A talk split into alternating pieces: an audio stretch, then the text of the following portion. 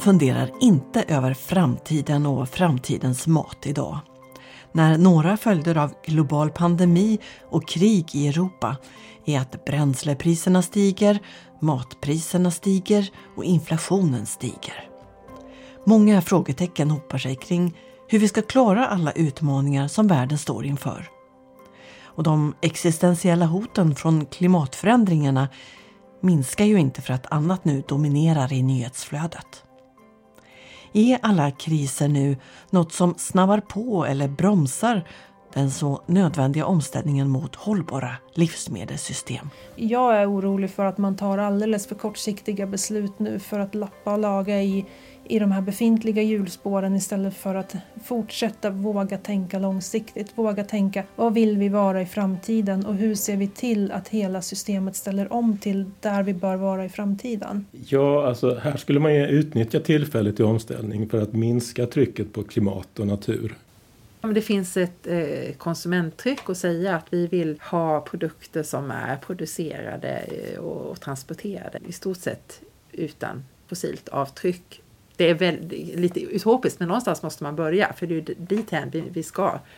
Ja, hur världsläget påverkar omställningen till mer hållbara livsmedelssystem ska vi prata om med några SLU-forskare i det här avsnittet av Feeding your mind från SLU Future Food.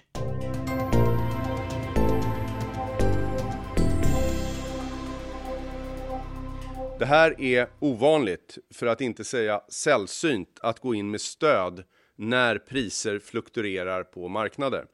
Det här är en exceptionell åtgärd i en exceptionell situation. Elpriskompensationen når alltså vanliga hushåll i småhus, radhus, villor och lägenheter där förbrukningen har varit hög. Nu beräknar vi att vi behöver avsätta knappt 7 miljarder kronor för att genomföra elpriskompensationen. Finansminister Mikael Damberg från pressinformationsträffar tidigare i vår.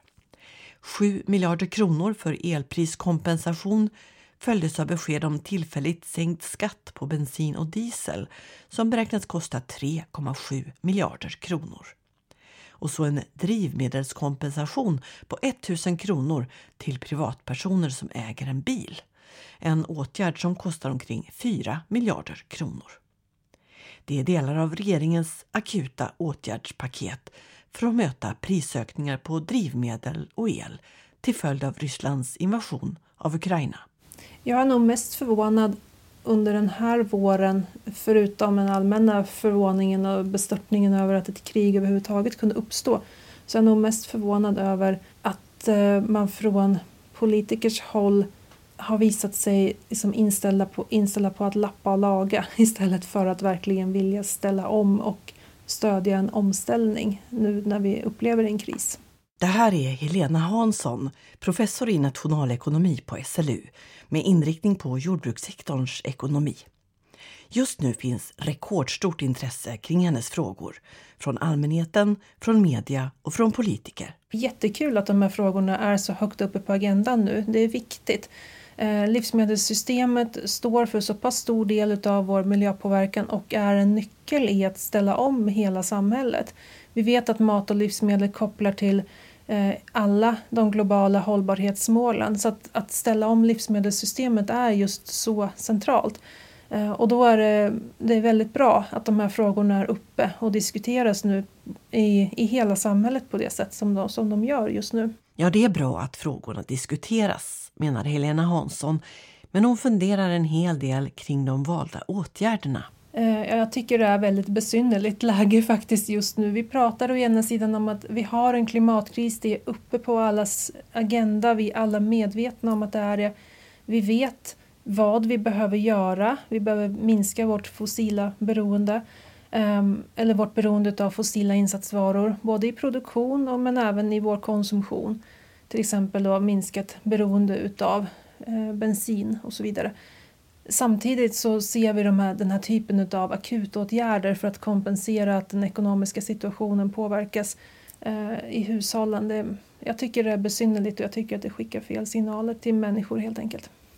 Tänker du då istället att att det svider i plånböckerna, det blir lite så här wake up call. Hade man exakt. förstått förut så förstår ja, man nu. Exakt, absolut. Jag tänker att det här kan vara ett wake up call och man ser liksom vad, vad betyder det att vi är så pass beroende utav fossila insatsvaror. Eh, det, de, med den miljöpåverkan de har så är det rimligt att de också kostar mera. Och det är den utvecklingen vi kommer se framöver också. Så vi behöver ändå börja ställa om. Och att man då skickar ut stöd för att fortsätta i de gamla hjulspåren. Det är väldigt besynnerligt tycker jag och väldigt kontraproduktivt. Men tänker du att det läget vi är i nu efter två års pandemi, nu med krig i Europa och med den ständigt pågående klimatförändringarna. Vi vet allt detta. Eh, kommer det här sammantaget att accelerera omställningen till hållbarhet eller inte? Det beror helt och hållet på vad som händer skulle jag säga. Eh, det är egentligen ett helt gyllene tillfälle att verkligen accelerera omställningen. För att vi ser nu vad som händer eh, om vi fortsätter med det här beroendet vi har utav fossila insatsvaror. Eh, så det, det, finns en medvetenhet om att vi behöver förändra oss. Vi har genom pandemin visat också att vi är väldigt benägna att ställa om och ändra beteenden när det blir skarpt läge och det verkligen behövs. Vi har i, i samband med pandemin också sett att det är inte självklart att eh, butikshyllorna kommer se ut så som de gör. Vi såg till exempel att toalettpappret tog slut första veckorna under pandemin för att sen fyllas på i och för sig. Men, det, men pandemin fick upp vår medvetenhet skulle jag ändå vilja säga om att vad händer om gränserna stänger? Vad händer om vi inte har tillgång till de marknader vi brukar ha tillgång till? Och sen händer just det. Vi har inte tillgång till till gödning från Ryssland. Vi vet att skördarna i Ryssland och Ukraina kommer sjunka betydligt i år. Eh, och det här ruskar om i oss och, och, och, visar liksom vad kan hända. Och sen ökar de här priserna, så ökar priserna på insatsvaror eh, på de varor då som är mest miljöpåverkande. Ja, jag tycker att det har, vi är i ett läge där vi har en, en ökad medvetenhet om vad som kan hända eh, överallt i hela samhället. De här frågorna har ju aldrig varit så här högt uppe på agendan tidigare. Och då tycker jag att det är viktigt att politiker också tar tillfället i akt och agerar och försöker få till en omställning och försöker liksom använda det läge vi är i nu istället för att lappa och laga genom att, att kompensera prisökningarna till de som är fast i de gamla hjulspåren så att säga. Så långt professorn i nationalekonomi Helena Hansson. Vi återkommer till henne men lämnar för en stund institutionen för ekonomi för att istället landa på institutionen för ekologi. På Ekologicentrum på SLU Campus Ultuna i Uppsala finns Ricardo Bomarco, professor i lantbruksentomologi som handlar om både skadeinsekter och de nyttodjur som bjuder oss människor på så kallade ekosystemtjänster. Ricardo Bomarco och Helena Hansson är överens om mycket. Till exempel när Ricardo Bomarco får frågan hur dagens osäkra omvärld påverkar omställningen till mer hållbart lantbruk och livsmedelssystem. Ja, jag ser inte att det påverkar omställningen särskilt mycket. Det finns ju eh, kända citat om att när det kommer en kris, det är då det kommer möjligheter att eh, förändra. Eh, men det tycker jag inte riktigt att jag ser utan jag ser snarare kanske ett problem i att man nu trycker de verkligt stora problemen som klimatet och eh, biodiversiteten i bakgrunden för att eh, nu kanske lyfta att nu vi behöver producera mer och vi behöver subventionera fossil energi för att bibehålla produktionen. Men som du säger, då, som sagt, i en kris har man chansen att göra något lägga om kursen. Vad skulle man göra om man gjorde på det sätt du föreslår? Ja, alltså här skulle man ju utnyttja tillfället till omställning för att minska trycket på klimat och natur. Och det ska man göra genom att minska vårt eh, beroende av det fossila, den fossila energin. Och då skulle vi också minska beroendet av geopolitiken eller påverkan på geopolitiken på vår produktion. Det är väldigt stor fokus på farorna för oss i Sverige de är ju väldigt små jämfört med farorna för de fattiga i världen. När nu matpriserna ökar drastiskt då eh, är, det ju risk för alltså, svält helt enkelt i många delar av världen, till exempel i Mellanöstern och i Afrika. Så om man verkligen menar att eh, flyktingar är ett stort problem så börjar man ju nu då satsa på att se till att eh, de fattiga i världen inte svälter på grund av de höga matpriserna. Men vi klarar oss, kommer att klara oss bra genom det här. Men det här med att ställa om till hållbart lantbruk istället och göra oss fria från fossilberoendet. Hur skulle det gå till? Ja, för att göra det så behöver vi ändra våra odlingssystem. Vi behöver diversifiera vår odling. Vi behöver eh, öka effektiviteten av den, de, den näring vi använder i våra odlingssystem. Och det gör man genom att eh, göra växtföljden mer varierad med flera grödor, ta med eh, baljväxter i, i växtföljden. Eh, baljväxterna fixerar ju kväve från luften. Där får du in näring i systemet. Du ökar fertiliteten i hela systemet eh, med, med diversifiering. Och sen eh, skulle det också vara, vara bra om vi kunde integrera djurproduktionen med växtproduktionen så att vi lättare kan återanvända gödslet som djuren producerar. Och också att vi kan ha djur att eh, beta gräs. I, eh, vi kan ju inte äta gräs direkt men djuren kan äta gräs och så omvandlas det till mjölk och kött. Om man kan få in vall i växtföljderna till exempel och perenna grödor i växtföljderna då eh, finns det stora möjligheter att öka bördigheten i våra odlingssystem och därmed minska beroendet av externa insatsmedel, framförallt då mineralgödsel och växtskyddsmedel.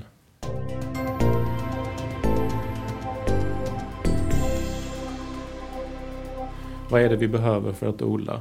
Växterna behöver vatten, sol och näring och sen behöver vi växtskydd. Alltså olika, vi behöver skydda växterna från skadegörare.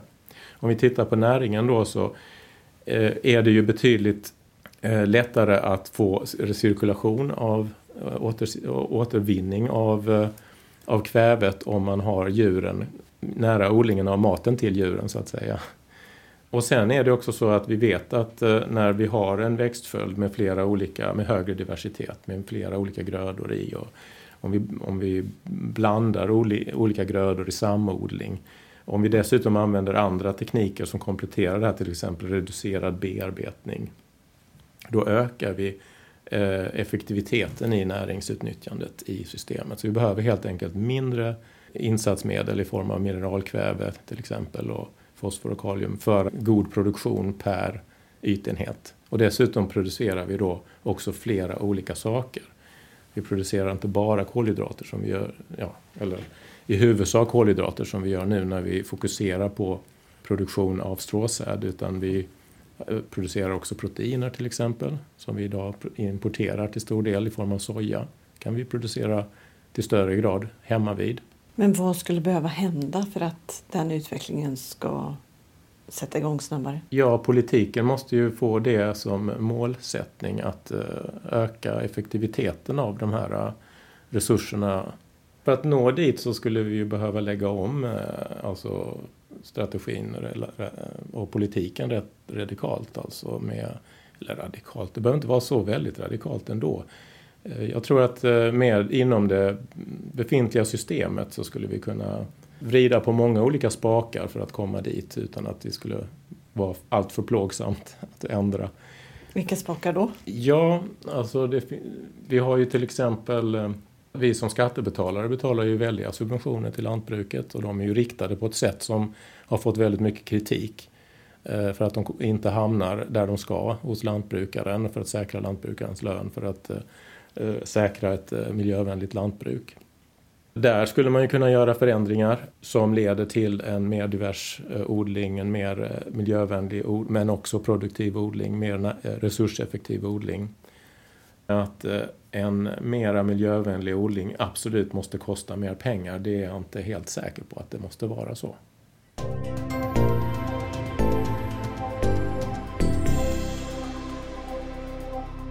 Ett stort problem med, med eh, matpriserna är ju kanske inte nödvändigtvis hur mycket det kostar utan just den här variationen, den kraftiga variationen i priserna.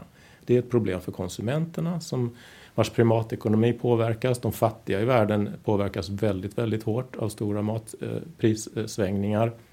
Men också producenterna. Så i alla led eh, påverkas ju negativt av de här enorma svängningarna. Och då är ju åtgärd nummer ett är ju att minska beroendet på den fossila energin. Eh, för att om du tittar på matpriserna, om du tittar på till exempel vetepriset så, och eh, lägger det över priset på fossil olja så följer de varandra nästan exakt. Sen så behöver man också eh, kolla vad spekulation på mat ger för svängningar. Nu när priserna på insatsmedel ökar så ökar ju också priserna på, på varan, på vetet till exempel, eller på maten. Eh, vilket ju kan vara bra för lantbrukare till exempel. Men mycket av de där vinsterna hamnar ju kanske inte hos lantbrukare, utan kan, hos, eh, kan hamna hos spekulanter. Så en, en hårdare reglering av den marknaden, alltså handeln med mat så att inte spekulation ökar variationen i priset.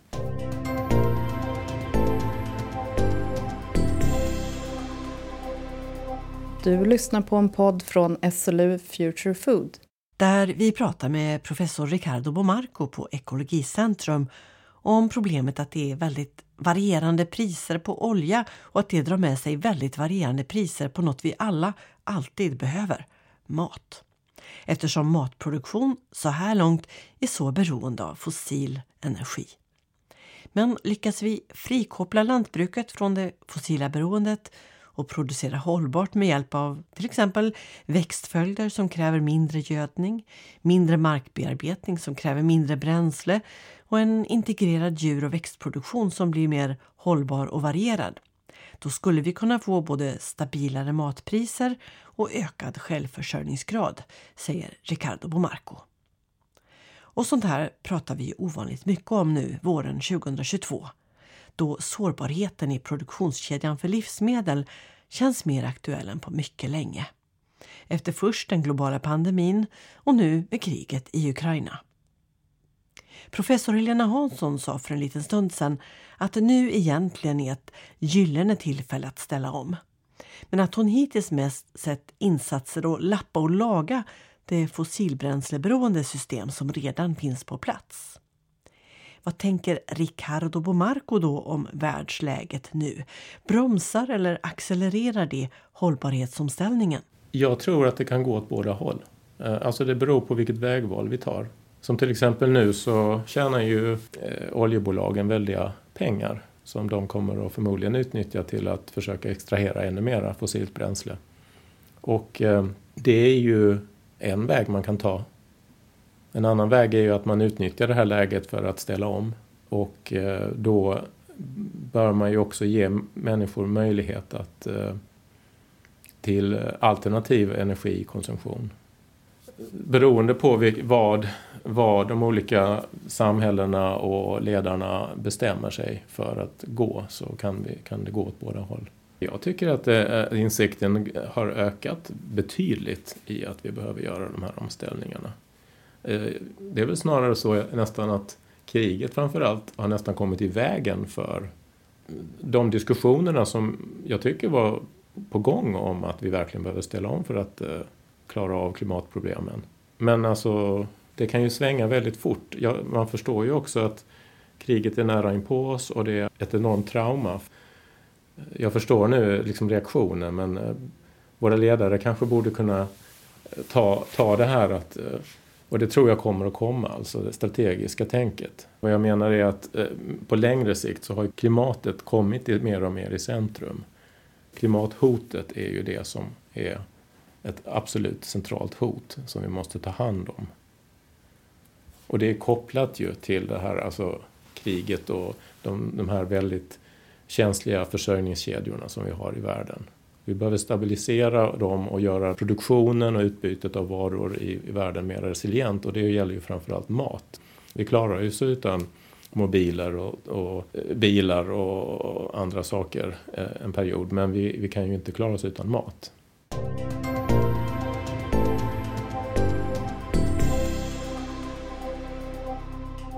Nej, vi klarar oss inte utan mat. Men eh, vi behöver ju inte heller all den mat från världens alla hörn som vi är vana vid idag. Och ökad självförsörjningsgrad passar väl ihop med ökad hållbarhet. Så är det kanske så att vi närmar oss slutet för den globala livsmedelshandel vi har idag? Nej, det är varken tror eller hoppas Helena Hansson, SLU-professor i nationalekonomi. Vi kan säga så här att eh, i tider av stabilitet så vet vi från ekonomisk forskning att internationell handel mellan länder är bra. Att var och en gör det de har så kallade komparativa fördelar i att göra, det vet vi leder till att det blir bättre totalt sett. Men nu har vi en situation med krig som, det, som vi har nu och eh, det visar också på sårbarheten med allt för stort beroende ändå av de internationella marknaderna. Jag tror inte att det här innebär slutet för internationell handel och det vore absolut inte heller önskvärt att vi får ett slut på det.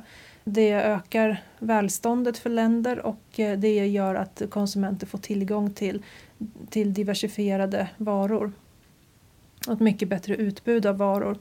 Eh, men samtidigt sätter det här, den situation vi är i nu också fingret på baksidan med den internationella handeln. Att man blir väldigt beroende utav andra marknader. Och eh, den här situationen vi är i nu visar också på betydelsen av att vi ändå, även när vi har internationell handel, behöver ha en diversitet i var, vilken typ av varor som kan användas i produktionen, alltså vilka insatsvaror som kan användas och att vi inte gör oss beroende av enskilda marknader för våra insatsvaror. Så i den bästa av världar så har vi vad vi verkligen behöver inom landet men kan plussa på dem med att sälja och köpa det vi inte har från andra. Ja, ur perspektivet eh, krisberedskap så har vi åtminstone produktion inom landet på så sätt att vi kan leverera mat till befolkningen. Eh, och det är ju ett, liksom ett stort värde utav livsmedelssystemet, en public good skulle jag säga, av livsmedelssystemet. Att, att möjligheten finns att, att leverera eh, mat till befolkningen eh, även i en tid där man kan tänka sig att gränserna skulle stänga helt. Eh, men i, i tider utav stabilitet, och det är det vi verkligen får hoppas att vi går emot, så kommer vi ha en del handel med omvärlden och det är bra för att det gör att man kan producera där det är bäst och mest effektivt att producera vi kan göra det vi är duktiga på, vi kan exportera, vi kan importera och som konsumenter kan man få tillgång till eh, mycket mer diverse livsmedel.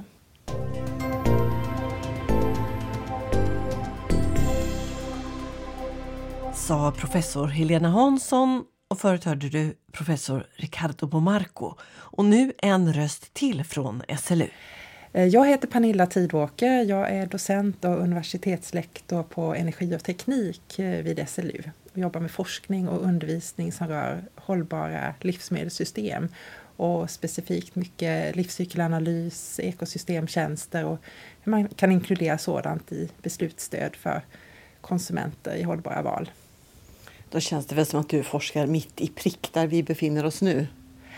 Jo, men så känns det väldigt ofta att det här är frågor som är relevanta och som berör väldigt många och som är viktiga för samhället. Något som jag tycker varit väldigt påtagligt är att man under de senaste säg, tio åren lite drygt har haft ett väldigt stort fokus på eh, jordbrukets och livsmedelssystemets klimatpåverkan. Och det är naturligtvis en jätteviktig fråga att belysa för, för samhället i stort. Men jordbrukets eh, olika problem och också de, hur man kan lösa de problemen handlar ju om väldigt mycket mer än bara just eh, klimatpåverkan. Och jag tycker att det är lite synd att frågan kring energiberoendet och hur man både kan ersätta eh, dagens fossilberoende, hur man kan effektivisera, hur man själv kan producera mer el, borde vara mer i fokus. Och jag tänker också att en sån här situation som som den vi befinner oss i nu, där det handlar väldigt mycket om varifrån kommer den energi som vi använder. Den kan på något vis kanske i bästa fall göra att vi accelererar och ställer eh, högre krav på, på just eh, energi. Vi fokuserar mer på energifrågan och ställer mer krav på, på hur energin som används i livsmedelsproduktionen och i samhället i stort eh, på ett helt annat sätt än vi gjort hittills.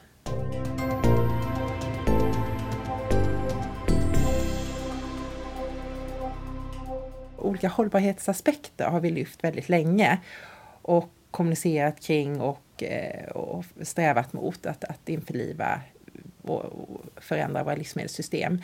Men nu kommer ju även aspekter kring livsmedelssäkerhet och självförsörjningsgrad in som ytterligare aspekter som, som blir eh, än viktigare att ta hänsyn till och det blir liksom lite mer av ett skarpt läge. För vi har ju naturligtvis diskuterat frågor kring livsmedelssäkerhet och eh, Eh, självförsörjningsgrad länge. Men på ett ganska hypotetiskt plan nu ser man att det är som, som kanske upplevdes som ganska osannolikt, till exempel att vi inte skulle ha tillgång till, till eh, olja och andra fossila resurser i vårt närområde. Där är vi idag i stort sett vid de diskussionerna att, att stoppa upp till exempel naturgas och eh, olja från Ryssland. Det gäller ju även fosforgödselmedel också, så det är väldigt många av resurserna som europeiskt jordbruk använder som faktiskt har ryskt ursprung. Det blir så tydligt att vi kan ju faktiskt inte eh, fortsätta det här och vara så beroende av insatsmedel till exempel eh, från länder som vi av olika skäl eh, inte borde stödja. Och det, det blir alldeles tydligt också när man ser till hela energisystemet i EU hur stort beroende har varit och är av eh, rysk eh, naturgas till exempel. Eh, så nu, det här är ju ett, ett, definitivt en anledning till att skynda på den jätteviktiga omställningen till ett eh, fossilfritt energisystem och att också basera väldigt mycket mer på inte bara förnyelsebara råvaror och eh, energikällor utan ett mer, ska man säga, regionaliserat och lokalt system där man inte är så sårbar för globala fluktuationer. Så ekonomiskt, ekologiskt och social eh, hållbarhet, de här tre olika varianterna av det talar ju alla för en sak. Men du tänker också på de etiska aspekterna här. Ja, och jag tycker att det är en aspekt som väldigt ofta har fått stå liksom lite tillbaka. Att vi har talat väldigt mycket om den absolut nödvändiga omställningen till ett fossilfritt eh, samhälle och ett fossilfritt jordbruk. Vi har kanske talat mindre om varifrån de här fossila resurserna kommer ifrån och vilka samhällssystem det är som vi stödjer när vi då köper in olja, diesel, naturgas, eh, mineralgödsel. Och att spåra det här och faktiskt se att det, det här är pengar som går in i de, de här ländernas statskassor bidrar ju då till, i det här fallet, Rysslands invasion av Ukraina men också eh, djupt eh, problematiska samhällssystem i arabländerna till exempel.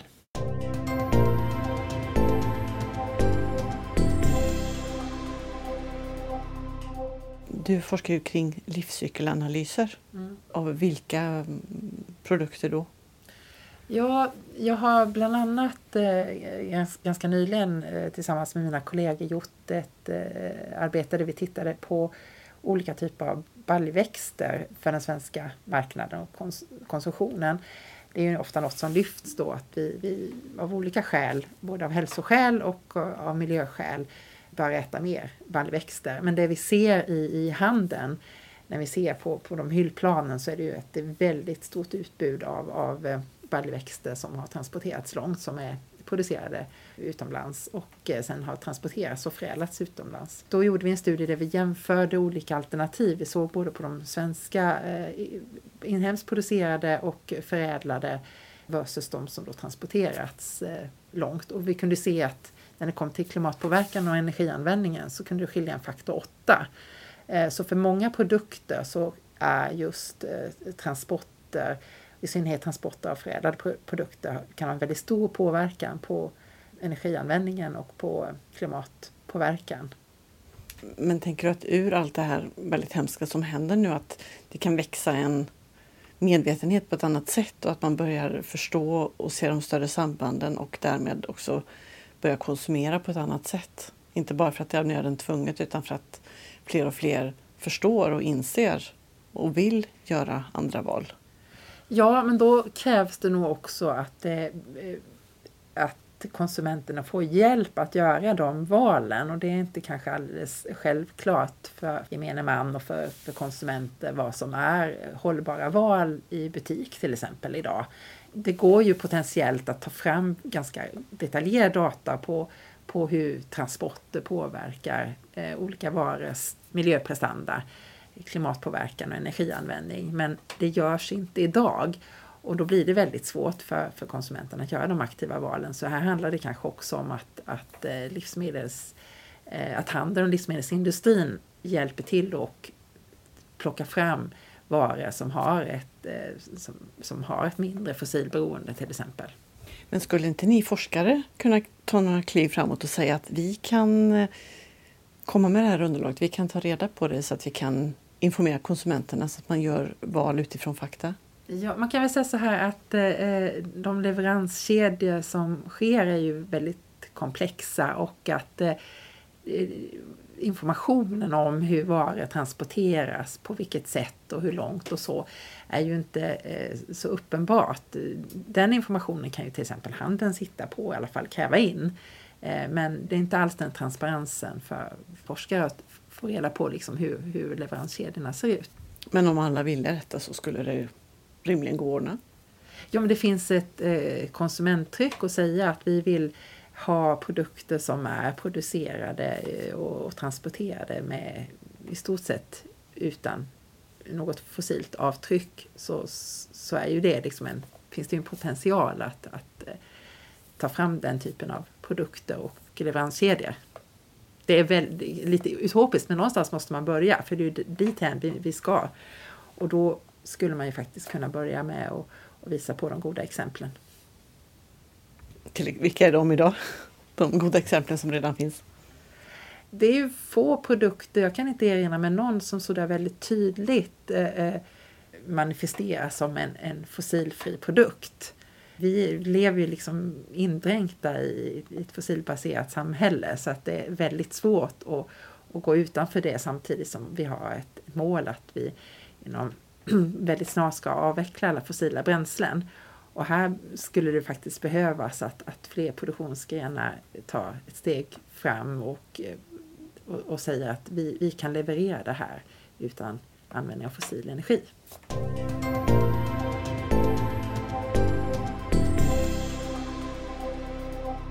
Ja, bättre och tydligare information till oss alla som äter om de fossila avtrycken av den mat vi producerar och konsumerar behövs för att komma ur den fossilindränkta värld vi ännu lever i, säger Pernilla Tidåker.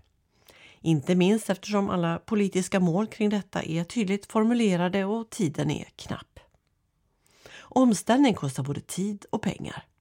Och apropå att hittills omkring 14 miljarder kronor i Sverige öronmärkts för kompensation för höga bensin och elpriser kan man inte låta bli att fundera lite kring vad de pengarna skulle kunnat användas till istället menar Ann-Sofie Wahlström, programchef för SLU Future Food.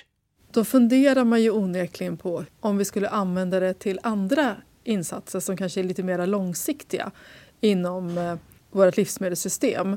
Så det är lite grann utifrån det perspektivet som vi ville lyfta frågan till, till forskarna. Vad skulle man kunna använda de här medlen till för att göra långsiktiga investeringar så att lantbruket blir hållbart. Vi ser ju att det finns trender inom EU att man kanske lägger klimatfrågorna och de här eh, farm to fork-frågeställningarna åt sidan lite grann eh, för att man har andra mer akuta saker att ta ställning till. Och det, det är klart att vi måste hantera den här stora humana krisen som ett krig innebär.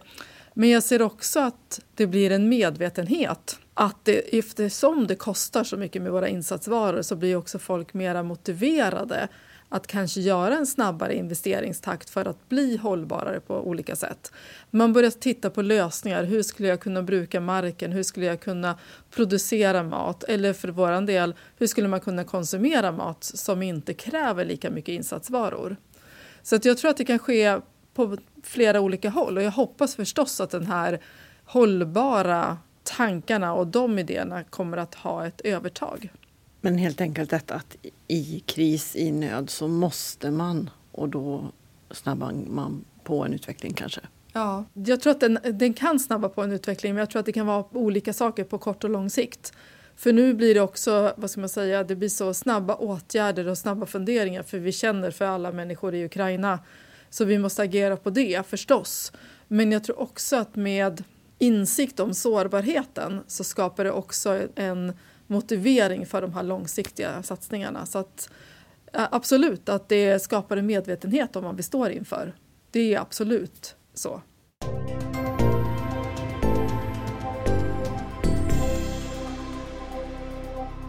Ja, alla verkar överens om att medvetenheten om behovet av omställning till mer hållbarhet och mindre fossilberoende har ökat. Vad vi sen gör med den medvetenheten är svårare att säga. Om vi tänker kort eller långsiktigt nu till exempel. Professor Ricardo Bomarco igen på Ekologicentrum. Vi behöver ju investeringar för omställning. Precis som vi behöver investeringar för omställning i energisystemet så behöver vi eh, massor med pengar för omställningen i matsystemet. Till exempel till eh, kunskap, nya teknologier. Eh, vi behöver till exempel, om vi nu ska diversifiera, behöver vi ju flera grödor, ny genetik att stoppa in i systemen. Så i en övergångsfas så behövs det ju alltid investeringar. En investering för framtiden är det ju dock. Om vi tittar på till exempel vad det har säkert kostat eh, svenskarna massor med pengar att ställa om från den tiden, om du kommer ihåg, när vi brände olja för att värma våra hus. Mm. Eh, och så ställde man om med olika former av energi, mycket el, det var, byggde kärnkraft, man eh, gjorde, hade, eh, nu bygger man vindkraft och vattenkraft och så vidare. Eh, och i husen så har man ju satt in värmepumpar och markvärme och så vidare. Och det har ju kostat en massa pengar, men vi har ju tjänat massor på det. För om vi hade fortsatt bränna olja i våra hus, då hade ju våra energikostnader varit enormt mycket högre. Så vi har tjänat in både investeringen och dessutom mer därtill. Så på samma sätt måste man ju tänka på omställnings investeringarna som görs. Att vi investerar för en framtid och det kommer, det kommer att löna sig. Det satsas en hel del pengar på forskning och utveckling och så vidare. Jag tror det behövs mer. Men alltså, är det någon som kan göra den här omställningen, som har råd att göra en omställning, så är det ju vi.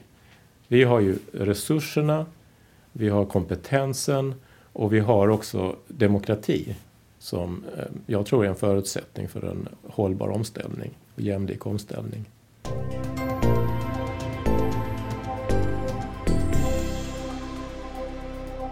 Ja, det behövs stora investeringar i omställning nu för att få stora besparingar i framtiden.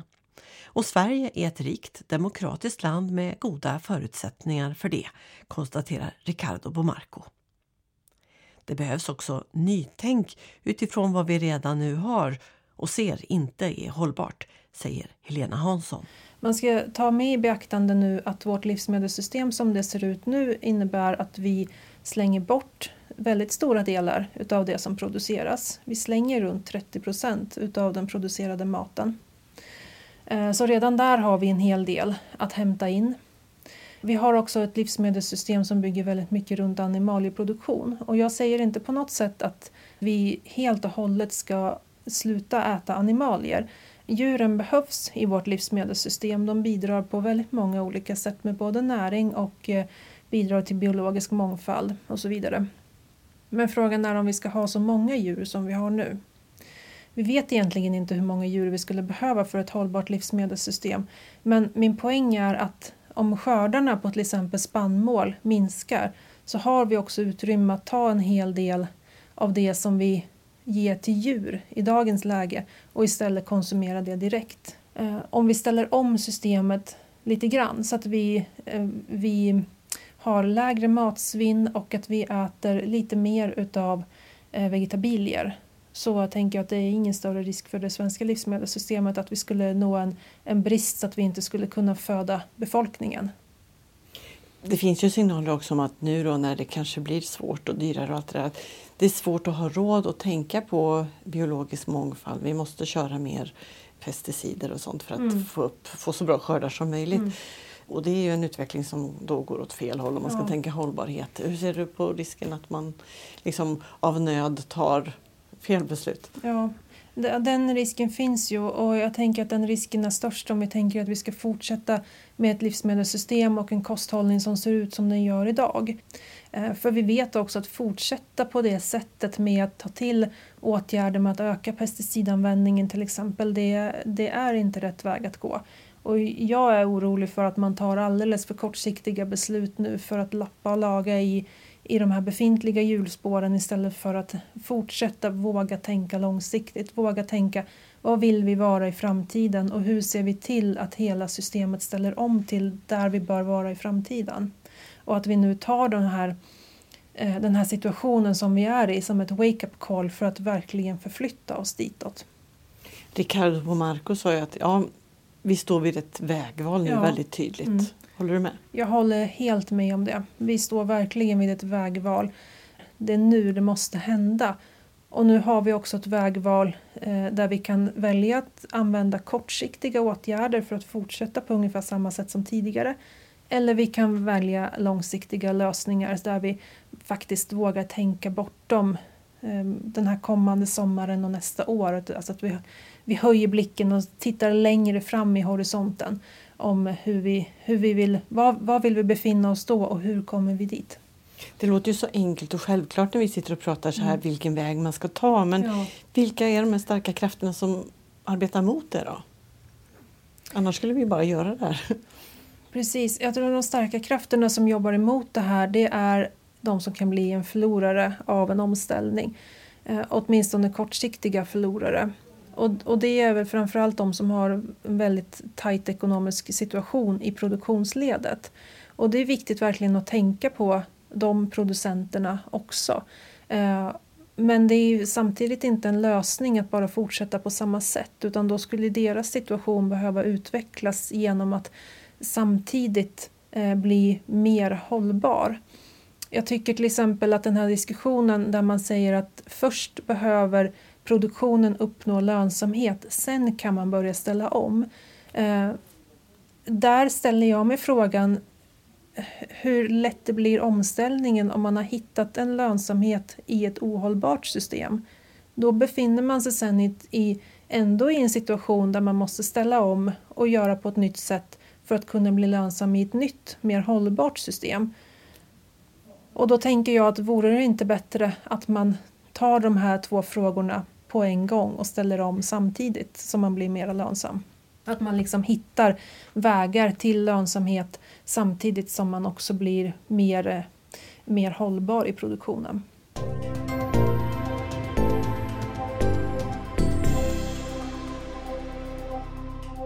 Men i det vägskäl vi nu står, hur mycket vi än vill, hur snabbt kan vi fasa ut jordbrukets och livsmedelsproduktionens fossilberoende?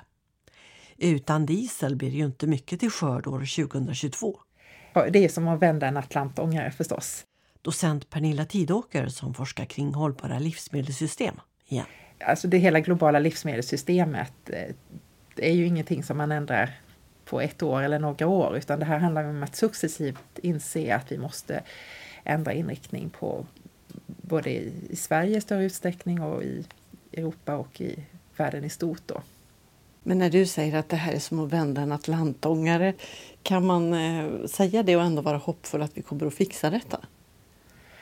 Ja, det finns ju egentligen inget alternativ. Eh, så att jag tänker mig också att eh, det måste kanske växa lite underifrån. Att det blir viktigare med lokala, regionala initiativ, ökat stöd för, för till exempel mer inhemsk produktion och man kan liksom trycka mer på det. Och eh, jag tänker mig att det, det är en process som också får, måste få växa i sin takt eh, men börja underifrån på något sätt. Ja, det är bråttom, men det är en atlantångare som ska vändas. Avslutningsvis tillbaka till Helena Hansson. Nu ska jag be om en gissning, men mm. det blir ändå en kvalificerad gissning för du är mm. professor i nationalekonomi. Mm. Om du tänker dig, sitter i framtiden och tittar tillbaka på en kurva som visar omställningstakten ja. eh, och vi tittar tillbaka på 2022. Mm. Tror du, kommer man se att där händer det någonting? Ja, jag hoppas ju det i alla fall. Nu skulle jag göra en kvalificerad gissning eh, och inte önsketänkande. Jag tror att vi kommer se en förändring därför att medvetenheten om dels utsattheten när vi är så pass beroende av fossila insatsvaror. Det kommer att eh, leda till en förändring i, i vilka insatsvaror man väljer att använda och, och öka förståelsen för att vi behöver ha ett mycket mer diverst eh, livsmedelssystem. Ehm, och även bara de höjda priserna kommer göra att man kommer börja se sig om efter andra sätt att producera. Eh, vilket också kommer kunna knuffa igång en förändring. Så ja, jag hoppas verkligen att min kvalificerade gissning stämmer här och att vi kommer kunna se 2022 som, som brytpunkten. Där vi valde rätt vid det här vägskälet som vi pratade om. Du har hört Feeding your mind från SLU Future Food kring frågan om huruvida världsläget våren 2022 bromsar eller accelererar den nödvändiga omställningen till hållbarhet inom jordbruket och matproduktionen. Jag heter Ylva Karlqvist Warnborg.